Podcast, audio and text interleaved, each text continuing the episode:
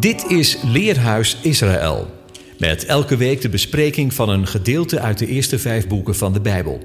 De presentator van deze week is Anko van Molenbroek.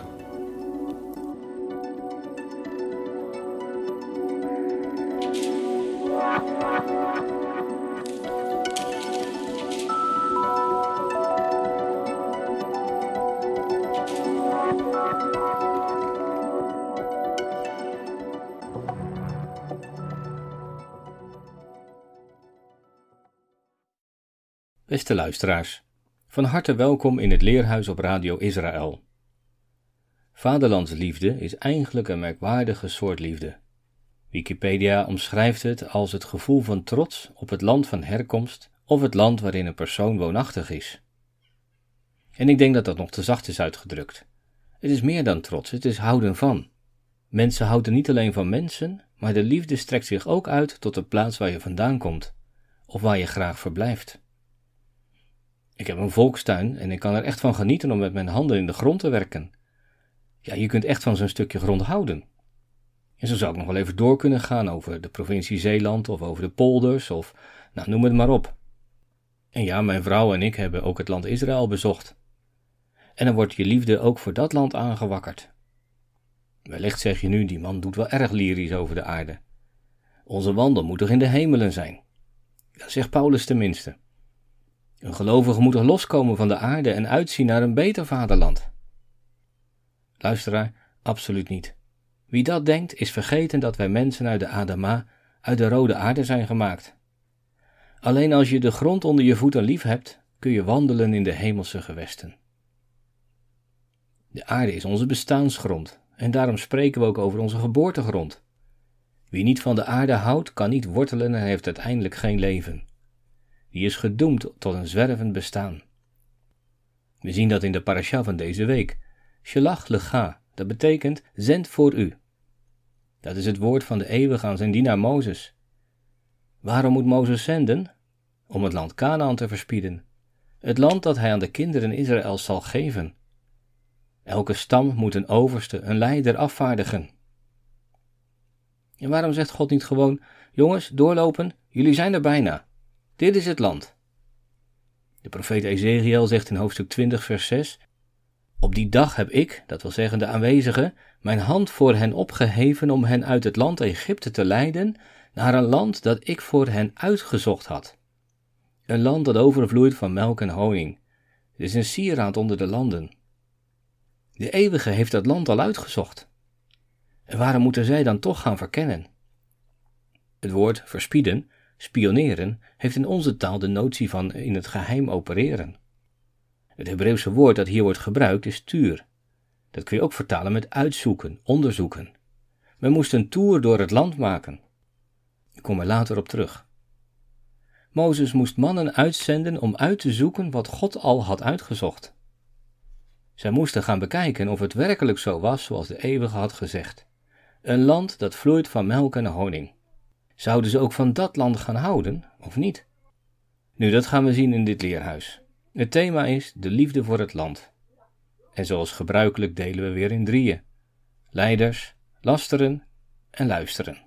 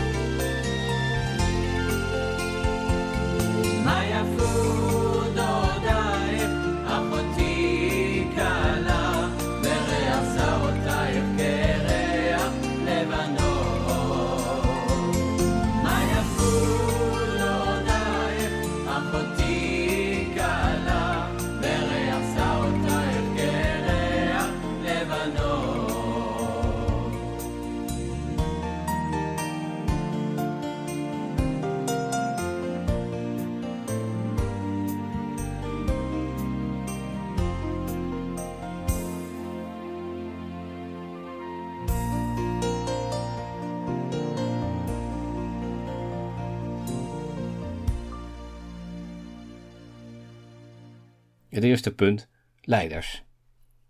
Nummer 13 vers 1.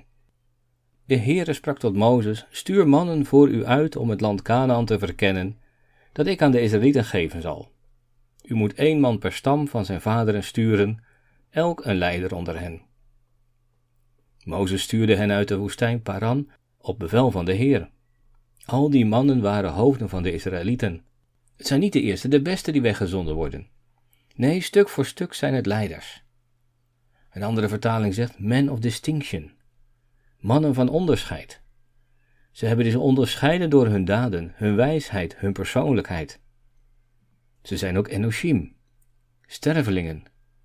En als dit woord wordt gebruikt, dan duidt dat op belangrijkheid. Ze zijn leiders van hun stam, prinsen, nasi. En in vers 3 worden ze hoofden genoemd. De eersten onder velen. En uit dit alles blijkt hoe belangrijk de toer door het beloofde land is voor het volk. Ook hun namen worden genoemd. En de namen in de Bijbel hebben altijd betekenis. De eerste is van Ruben, Shamua, de zoon van Zachur. Shamua betekent vermaard. Daar hoor je het woordje Shem in, naam. Dit is iemand die naam heeft gemaakt. Hij is de zoon van Zachur, dat wil zeggen bedachtzaam, oplettend. Het woord Zachor is herinneren. Nu, dat begint al goed. Hier staat iemand die zich de naam herinnert. Of die aan de naam herinnert. En zo'n leider moet toch wel de liefde voor het land van Hashem, de naam, op kunnen brengen. De tweede is Shafat, de zoon van Hori. Shafat wil zeggen hij die oordeelt, een rechter. En hij is de zoon van Hori, dat is grotbewoner. De enige keer dat we deze naam tegenkomen is in Genesis 36. Daar staat de genealogie van Esau.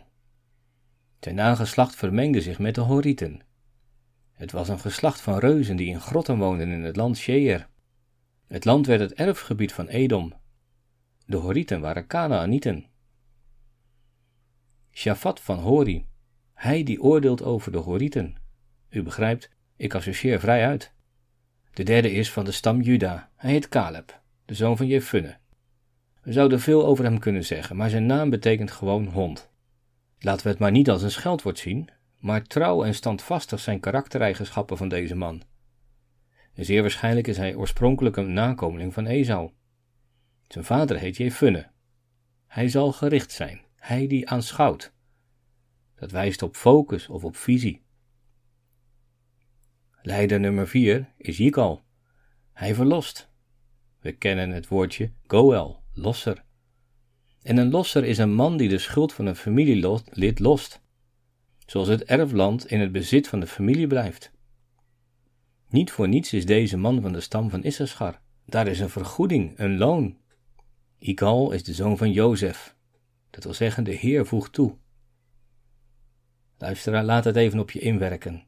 Een losser, loon. En wat Adonai toevoegt. Die man wordt uitgezonden om Canaan te verkennen. En dan krijgen we Hosea, Ben Nun, de redder, de zoon van de vis, van het nageslacht.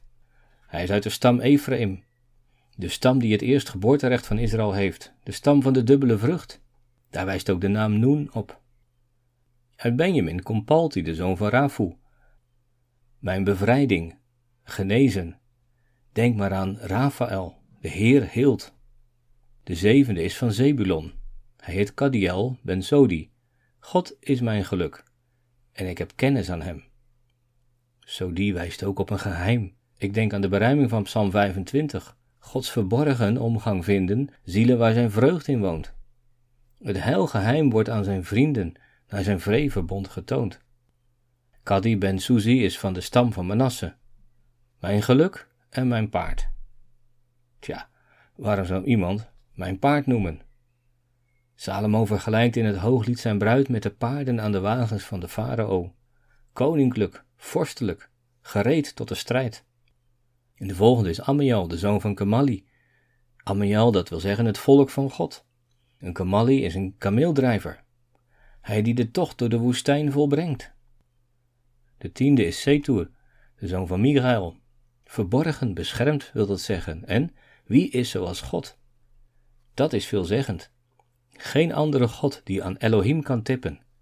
Hij verbergt en beschermt. Nachbi komt van een woord dat zich verbergen betekent. Nachbi is een geheim. Hij is de zoon van Fofsi. De ene vertaling zegt dat wil zeggen rijk, en de andere vertaalt met geurig. En het komt van een werkwoord dat toevoegen, uitbreiden of opnieuw doen betekent. En de laatste man is Geuel, de majesteit van God. Hij is de zoon van magie, dat betekent kleiner worden. Nee, niet dat de majesteit kleiner wordt, maar bij de majesteit van God worden wij kleiner. En worden onze vijanden kleiner. Nu zijn dat klinkende namen of niet? De herinnering aan de naam, het oordeel over de horieten, trouw, focus, visie, de losser van het erfbezit en de verlosser van het nageslacht, mijn bevrijding en genezing. God is mijn geluk en ik ken hem. Gelukkig in de strijd. En het volk van God dat de tocht de woestijn volbrengt. Wie is als Adonai? Hij beschermt en verbergt. In het geheim breidt het uit. En de majesteit van God maakt ons klein. Dit zijn de namen van de mannen die, die Mozes uitzond. En dan staat er heel opmerkelijk: Mozes noemde Joshua Jehoshua. Hosea wordt Jozua. De aanwezige red. En met die boodschap worden de mannen uitgezonden. Mozes zendt deze mannen uit om onderzoek te doen of Canaan inderdaad overvloeit van melk en honing. Is het werkelijk zo goed als wordt gezegd? En toch, het woordje shalach komt in onze parasha veel voor. Laat ik ze even op een rijtje zetten. In 13 vers 2, zend voor uw mannen, één van elke stam zult u zenden. In vers 3, en Mozes zond mannen. Vers 16, dit zijn de namen van de mannen die Mozes zond. En vers 17, en Mozes zond hen om te onderzoeken. Vers 27, en zij zeiden, wij zijn gekomen tot het land waarheen u ons gezonden hebt. Het is zoals u hebt gezegd. En in 14 vers 36, en de mannen die Mozes had gezonden, doorzochten het land, keerden terug en brachten een kwaad gerucht van het land mee. Als je het zo achter elkaar zet, is het net een film. Steeds zien we dat die mannen door Mozes zijn gezonden. Rashi zegt hierbij: stuur uit naar eigen inzicht. Ik beveel je niet, zegt de aanwezige, maar als je wilt, mag je sturen. Aangezien de Israëlieten tot Mozes waren gekomen en zeiden: Laten wij mannen voor ons uitzenden, zoals er staat: U allen hebt mij benaderd, Deuteronomium 1, vers 22, zo nam Mozes raad met de Shechina. En God zei: Ik vertelde hen dat het goed is. Zoals er staat: Ik zal je uit de ellende van Egypte brengen, door hun leven. Nu zal ik ze de kans geven om door de woorden van de spionnen heen te dwalen, zodat ze niet zullen erven. Men had niet hoeven gaan. Men had de eeuwige ook op zijn woord kunnen geloven. Hij had het land al onderzocht en het zo bevonden zoals hij zei. Maar heeft er geen bezwaar tegen als ze zelf op onderzoek uitgaan, om het met eigen ogen te zien. Is dat ongeloof? Dat hoeft niet. God zegt ook: beproef mij toch en zie of het zo is. En is het ook niet zo dat het verlangen aangewakkerd wordt als je het land hebt betreden en het hebt gezien? Dat de liefde wakker wordt gemaakt? Maar zo is het niet, want tien van de twaalf brengen een kwaad gerucht over het land. Dat is laster.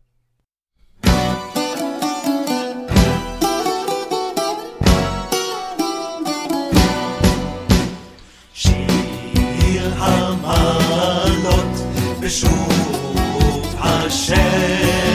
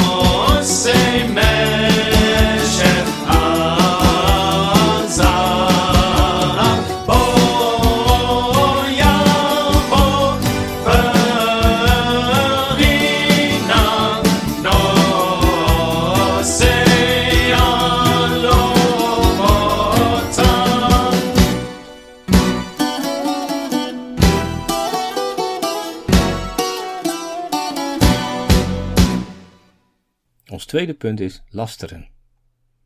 Veertig dagen blijven ze weg. Je zou kunnen zeggen dat duurt een mensenleven. Weet je nog dat het volk ongeduldig en ongerust was toen Mozes veertig dagen op de berg bleef? Zou hij ooit nog terugkomen? Maar goed, nu lezen we daar niets over. Mozes, de onbetwiste leider van het volk, is immers bij hen. En de eeuwige woont in de tent in het midden van het volk. En na veertig dagen komen de twaalf toch terug. Wat een feest! Heel het volk loopt te hoop. In vers 36 staat: En zij gingen en zij kwamen. Rashi zegt dan dat hun vertrek vergeleken wordt met hun aankomst. Ze gingen zoals ze kwamen. Dat blijkt dus achteraf. En hoe kwamen ze? Ze kwamen met de bedoeling om een kwaad gerucht van het land te verspreiden. Zeker, ze moeten erkennen dat het een land is dat vloeit van melk en honing. De bewijzen torsen zich met ze mee. Een druiventros die zo groot is dat ze die met twee man moeten dragen. Ook hebben ze vijgen en granaatappelen bij zich. En zo laten ze die vruchten aan iedereen zien. En dan komt de maar. De vruchten zijn goed. Het land is goed. Maar de inwoners, dat is andere kost. In nummer 13 vers 28 staat het volk echter dat in het land woont is sterk. De steden zijn versterkt en heel groot. En ook hebben wij de nakomelingen van Enak gezien. In het zuiderland woont Amalek. In het bergland wonen de Hethieten, de Jebusieten en de Amorieten. Aan de zee en aan de oever van de Jordaan wonen de Kanaanieten. Luisteraar, ook dat is waar. Want ook dat had de Eeuwige gezegd. In Exodus 3, vers 8 lezen we: Daarom ben ik neergekomen om het volk te redden uit de hand van de Egyptenaren en het te leiden uit dit land naar een goed en ruim land, naar een land dat overvloeit van melk en honing, naar het gebied van de Canaanieten, de Hethieten, de Amorieten, de Ferezieten, de Hevieten en de Jebusieten. God spreekt met twee woorden: zegen en zorg. Het is een goed land en er wonen ook reuzen. Ja, ja, zeggen die mannen, maar dat ze zo groot waren, dat hadden we niet gedacht. Dat krijg je als je meer gericht bent op de weldaden dan op de weldoener. Dan verklein je de hobbels die je moet nemen om de zegen in bezit te nemen. Dan word je overmoedig. En als het dan tegen zit, dan zakt de moed in je schoenen. Rabbi Jonathan Sacks zegt dat deze mannen hun missie niet goed begrepen hadden. Ze waren namelijk niet uitgezonden om de zwakke plekken van de bewoners in kaart te brengen, maar gewoon om te zien hoe goed het er was. Hoe is het land en het volk? Zijn het er veel of weinig? Zijn ze sterk? Is het een goed land waar ze wonen? Wonen ze in tenten of in vestingen? En is de grond vruchtbaar? Twaalf keer wordt het woordje tuur gebruikt. Dat wil zoveel zeggen als op zoek gaan naar iets goeds. In heel de parasha wordt het woord spion niet gebruikt. Ze moesten niet uitzoeken hoe kwetsbaar en zwak het land was, maar hoe goed. En slechts twee mannen begrepen dat. De andere tien niet. Geen wonder dat het volk ongerust raakt. En Kale probeert de gemoederen tot bedaren te brengen. Te vergeefs, want de andere tien gooien er nog een schepje bovenop. Wij kunnen tegen dat volk niet optrekken, want het is sterker dan wij. En ze lieten een kwaad gerucht uitgaan bij de Israëlieten over het land dat zij verkend hadden, door te zeggen: Het land waar wij doorgetrokken zijn om het te verkennen, is een land dat zijn inwoners verslindt. En heel het volk dat wij in het midden daarvan gezien hebben bestaat uit mannen van grote lengte. We hebben er ook reuzen gezien, nakomelingen van Enak, afkomstig van de reuzen. We waren in onze eigen ogen als sprinkhanen, en zo waren wij ook in hun ogen. Het is duidelijk. Het merendeel van de verspieders keek op tegen de reuzen, en de reuzen keken op hen neer. De mannen laten een kwaad gerucht over het land uitgaan. In het Hebreeuws is dat diba eretz. Diba wordt ook wel vertaald met fluisteren of lasteren. Wij zouden zeggen roddel. En ja, dat is precies het tegenovergestelde van hun missie. Kwaadspreken is Lashon Hara. De overlevering is daarover zeer uitgebreid. Lashon Hara staat bovenaan de lijst van zonden. Men zegt dat het verboden is om negatief over iemand anders te spreken, ook al is het waar. Het is ook verboden om naar Lashon Hara te luisteren. Men moet de spreker berispen, of als dat niet mogelijk is, zich uit de situatie bevrijden. Zelfs als je de Lashon Hara al hebt gehoord, is het verboden om het te geloven. Integendeel, men moet altijd zijn medemens gunstig beoordelen. Nu spreken die mannen niet kwaad over anderen, maar over het land. Maakt dat verschil? Nee, denk het niet. Ik heb in de inleiding al gewezen op de verbinding tussen de mens en de aarde. De aarde is onze bestaansgrond. Denk maar eens in wat, je met, denk maar eens in wat het met je doet als iemand negatief over je geboortegrond spreekt. Dat raakt je, want dankzij die grond besta je. Laster, luisteraar, is een dodelijk gif. Het ontzegt een ander het bestaan. Dan zakt de grond onder je voeten vandaan. Luister maar wat de reactie van het volk is.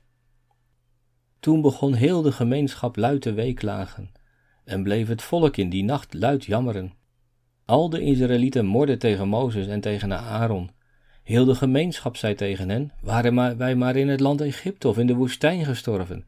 Waren wij maar gestorven? Waarom brengt de Heer ons naar dit land? Zodat wij door het zwaard vallen en onze vrouwen en onze kleine kinderen tot prooi worden van de vijand? Zou het niet beter voor ons zijn om naar Egypte terug te keren? En ze zeiden tegen elkaar: Laten wij een hoofd aanstellen en naar Egypte terugkeren. Zie je, ze zijn liever dood of slaaf. Het leven is voor hen over, het heeft geen zin meer. Laten we maar teruggaan. Laten we een andere leider aanstellen om ons terug te brengen. De overlevering noemt dit een daad van afgoderij. Ze zeggen eigenlijk: we willen een andere koning, we willen een andere godheid. En dat alles omdat zij hun missie niet hadden begrepen. Ze dachten dat ze moesten kijken hoe het land kon worden veroverd. En nu blijkt dat je daar boven natuurlijke krachten voor nodig hebt. Een Jehoshua, de Heer, redt. Toen wierpen Mozes en Aaron zich met hun gezicht ter aarde voor heel de verzamelde gemeenschap van de Israëlieten. En Joshua, de zoon van Nun, en Caleb, de zoon van Jefunne, twee van hen die het land verkend hadden, scheurden hun klederen en zeiden tegen heel de gemeenschap van de Israëlieten: Het land waar wij doorgetrokken zijn om het te verkennen, is een bijzonder goed land. Als de Heer ons genegen is, zal Hij ons in dat land brengen. En Hij zal het ons geven, een land dat overvloeit van melk en honing. Alleen kom tegen de Heere niet in opstand. En u, wees niet bevreesd voor de bevolking van het land, want zij zijn ons tot voedsel. Hun schaduw is van hen geweken, en de Heere is met ons. Wees niet bevreesd voor hen toen zei heel de gemeenschap dat men hem met stenen moest stenigen. Maar de heerlijkheid van de Heere verscheen in de tent van ontmoeting voor al de Israëlieten. En de Heere zei tegen Mozes, hoe lang zal dit volk mij nog verwerpen? En hoe lang zullen zij niet in mij geloven, ondanks al de tekenen die ik het midden van hen gedaan heb? Let erop dat deze zonde van de lastering van het land niet wordt vergeven. Iedereen, uitgezonderd Jozua en Caleb van twintig jaar en ouder, zal in de woestijn sterven. Laster weerspiegelt een gebrek aan zelfvertrouwen, dat geworteld is in onze onderliggende onzekerheid, zegt een hedendaagse rabbijn, Nathan Lopez Cardozo. Het is waar dat de wereld verre van ideaal is, maar het lijkt erop dat we onze wereldbol zien als een wit papier met een zwarte vlek erop. Op de vraag wat we zien zeggen we een zwarte vlek, waarbij we het witte papier volledig negeren. Het is alleen het vreemde, het misplaatste, dat onze aandacht trekt. Waarom is dit? Omdat het goede ons een probleem geeft. Goedheid stelt ons bloot aan een hogere orde. Het vereist van ons dat we nadenken over de betekenis van ons leven. Omdat het de schoonheid van de goedheid is die onze ziel raakt, zegt deze rabbijn. Hier kunnen we niet klagen. We kunnen alleen nadenken. En die brengt ons in verlegenheid omdat we niet willen reageren. Wat als het leven hogere eisen aan ons stelt dan we willen horen? Het is goedheid en schoonheid die ons eraan herinnert dat ons leven een moreel en religieus doel heeft. Met onze woorden scheppen we onze wereld. En als de eeuwige schept, dan zegt hij daarna: het is goed. Laster echter breekt onze wereld af.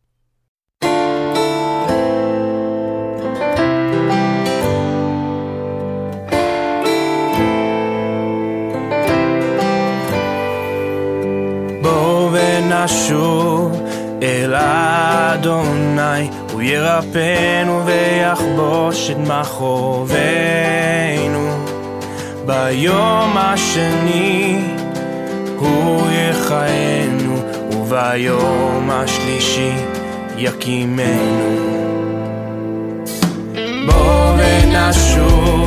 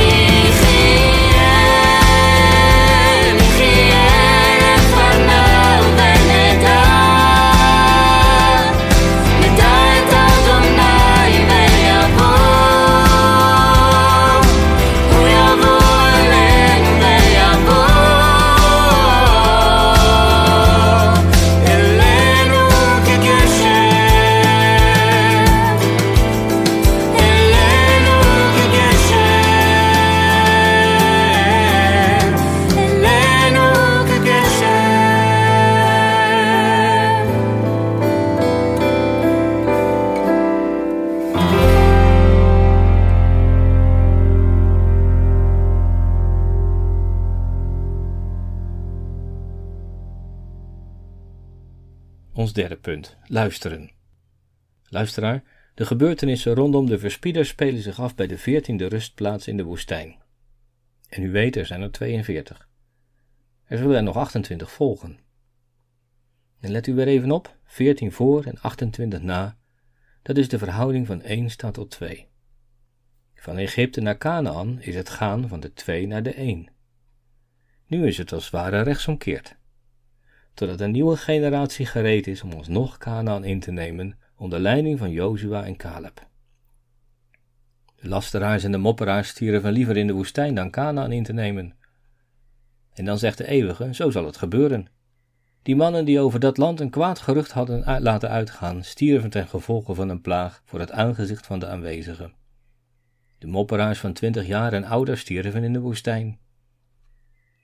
En dan, in nummer 15, alsof er niets is gebeurd, lezen we: Spreek tot de kinderen Israëls en zeg tegen hen: Wanneer u komt in het land van uw woongebieden, dat ik u geef, en u komt om uw offers te brengen vanwege een gelofte, een vrijwillige gave of op een van de feestdagen, voeg daar dan ook een graanoffer en een plengoffer aan toe. En nog meer bepalingen betreffende de offers worden gegeven. En al deze verordeningen gelden voor de Israëliet en voor de vreemdeling. Eén wet en één bepaling voor u en voor de vreemdeling. Wanneer u in het land komt. Daarover is geen twijfel.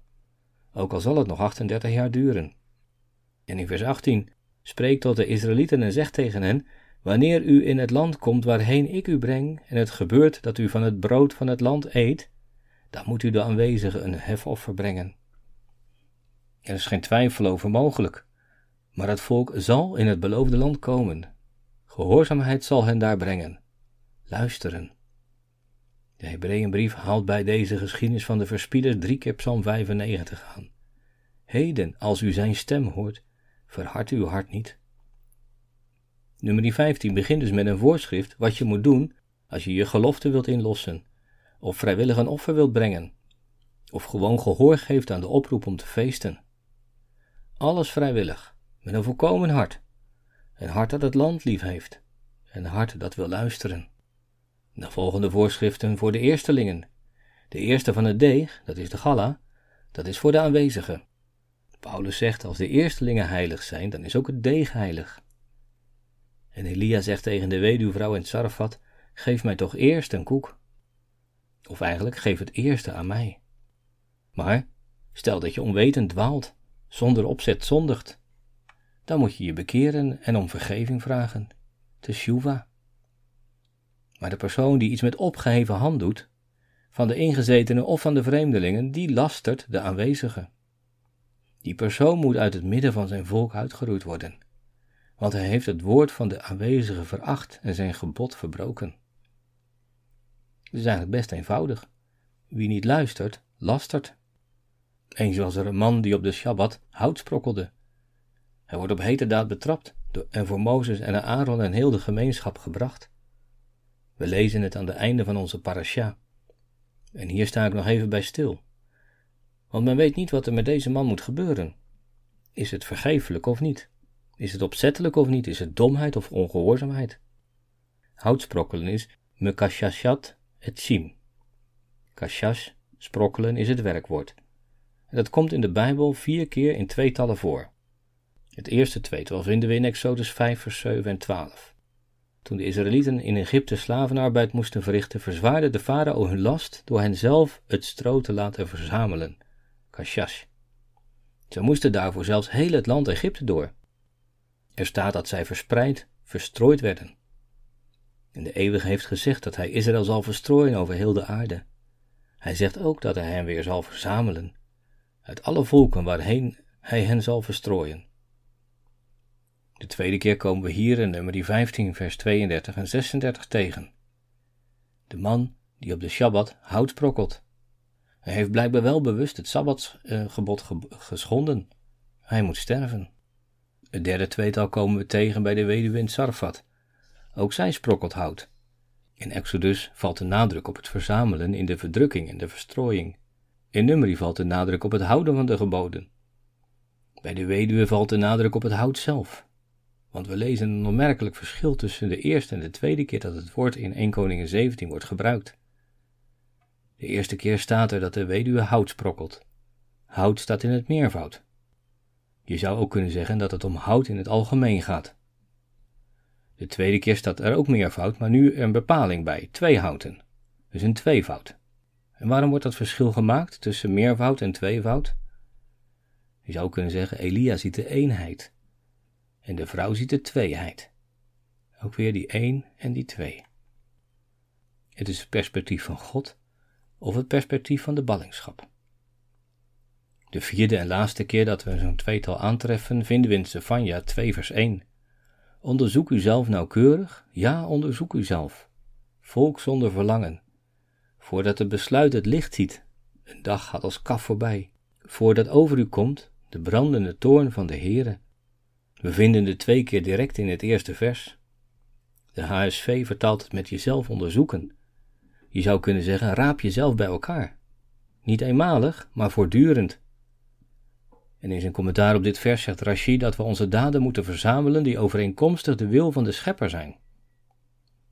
En dat zegt de profeet tot een volk dat geen verlangen heeft om terug te keren tot de Torah. Die vier tweetallen oversprokkelen onderwijzen ons de harde dienst in de verstrooiing. Ze onderwijzen ons om de geboden niet te vergeten. De noodzakelijke twee-eenheid en het bij elkaar rapen van onszelf. Het zelfonderzoek. Het verhaal van de man in nummer 15 staat tussen het gedeelte dat handelt over zonde zonder opzet en het gebod om kwastjes, tzitzit, aan de kleding te dragen. Die kwastjes dienen als geheugensteuntje, opdat men de geboden niet vergeet. Want het zal duidelijk zijn dat als we de geboden niet vergeten, dat we ook geen zonde zonder opzet doen. Luisteraar, Parashat Shalach Lecha geeft ons de opdracht, onderzoekt alle dingen en behoudt het goede. Het volk in de woestijn dient ons als voorbeeld. Hebreeënbrief zegt in hoofdstuk 4: Laten wij er dan beducht voor zijn dat iemand van u ooit schijnt achter te blijven, terwijl de belofte om in zijn rust binnen te gaan nog van kracht is. Want ook aan ons is het evangelie verkondigd, evenals aan hen. Maar het gepredikte woord bracht hun geen voordeel, omdat het niet met geloof gepaard ging bij hen die het hoorden. Wij die tot geloof gekomen zijn, gaan immers de rust binnen, zoals hij gezegd heeft: Daarom heb ik in mijn toren gezworen, mijn rust zullen zij niet binnengaan. En dat terwijl zijn werken al sinds de grondlegging van de wereld voltooid zijn. Want hij heeft ergens over de zevende dag als volgt gesproken: En God heeft op de zevende dag van al zijn werken gerust. En op deze plaats opnieuw: Ze zullen mijn rust niet binnengaan omdat dus het feit blijft dat sommigen er eens binnengaan en dat zij, aan wie het evangelie eerst verkondigd was, niet binnengegaan zijn vanwege hun ongehoorzaamheid, zo bepaalt hij opnieuw een zekere dag, namelijk heden. Wanneer hij zo lange tijd daarna door David zegt, zoals al eerder is gezegd, heden als u zijn stem hoort, verhard dan uw hart niet. Want als Jozua hen al in de rust heeft gebracht, zal God daarna niet spreken over een andere dag. Er blijft dus nog een sabbatsrust over voor het volk van God. Want wie zijn rust binnengegaan is, die heeft zelf ook van zijn werken gerust zoals God van de zijne. Laten wij ons dan beijveren om die rust binnen te gaan, opdat niemand door het volgen van dit voorbeeld van ongehoorzaamheid ten val zal komen. Want het woord van God is levend en krachtig en scherper dan enig tweesnijdend zwaard. En het dringt door tot op de scheiding van ziel en geest, van gewrichten en merg, en het oordeelt de overleggingen en gedachten van het hart. Er is geen schepsel onzichtbaar voor hem, maar alles ligt naakt en ontbloot voor de ogen van hem aan wie wij rekenschap hebben af te leggen. Nu wij dan een grote hoge priester hebben, die de hemelen is doorgegaan, namelijk Jezus, de Zoon van God, laten wij aan deze beleidenis vasthouden. Want we hebben geen hoge priester die medelijden kan hebben met onze zwakheden, maar één, die in alles op dezelfde wijze als wij is verzocht, maar zonder zonde. Laten wij dan met vrijmoedigheid naderen tot de troon van de genade, opdat wij barmhartigheid verkrijgen en genade vinden om geholpen te worden op het juiste tijdstip.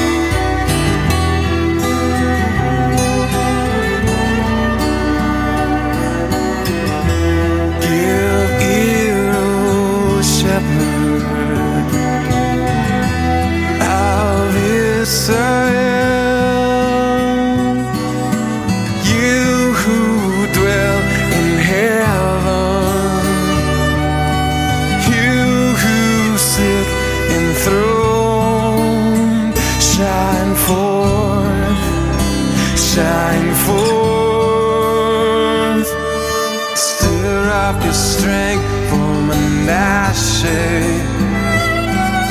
Stir up your strength for Ephraim. Stir up your strength and come, come and save us. Restore us again. Cause your face to shine.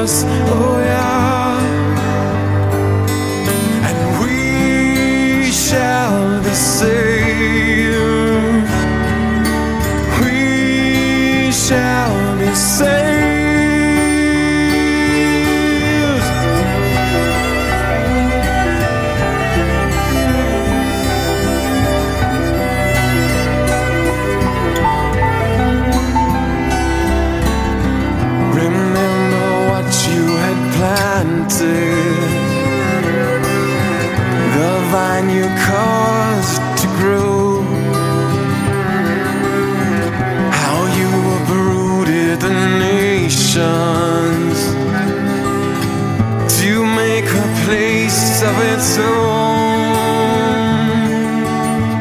But now the hedges are broken cut down and burned in the fire. Look down from heaven, come and visit your vine. Restore us again, cause your face to shine. Turn to us, oh yeah, and we shall be saved, and we will be saved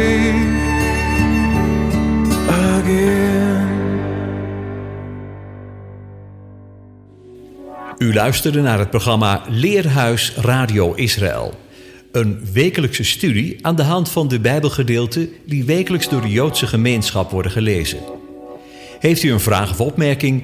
Stuur dan een e-mail naar info radioisrael.nl. Het leesrooster vindt u op onze website. Ga naar radioisrael.nl en klik onder het kopje radio op programma's.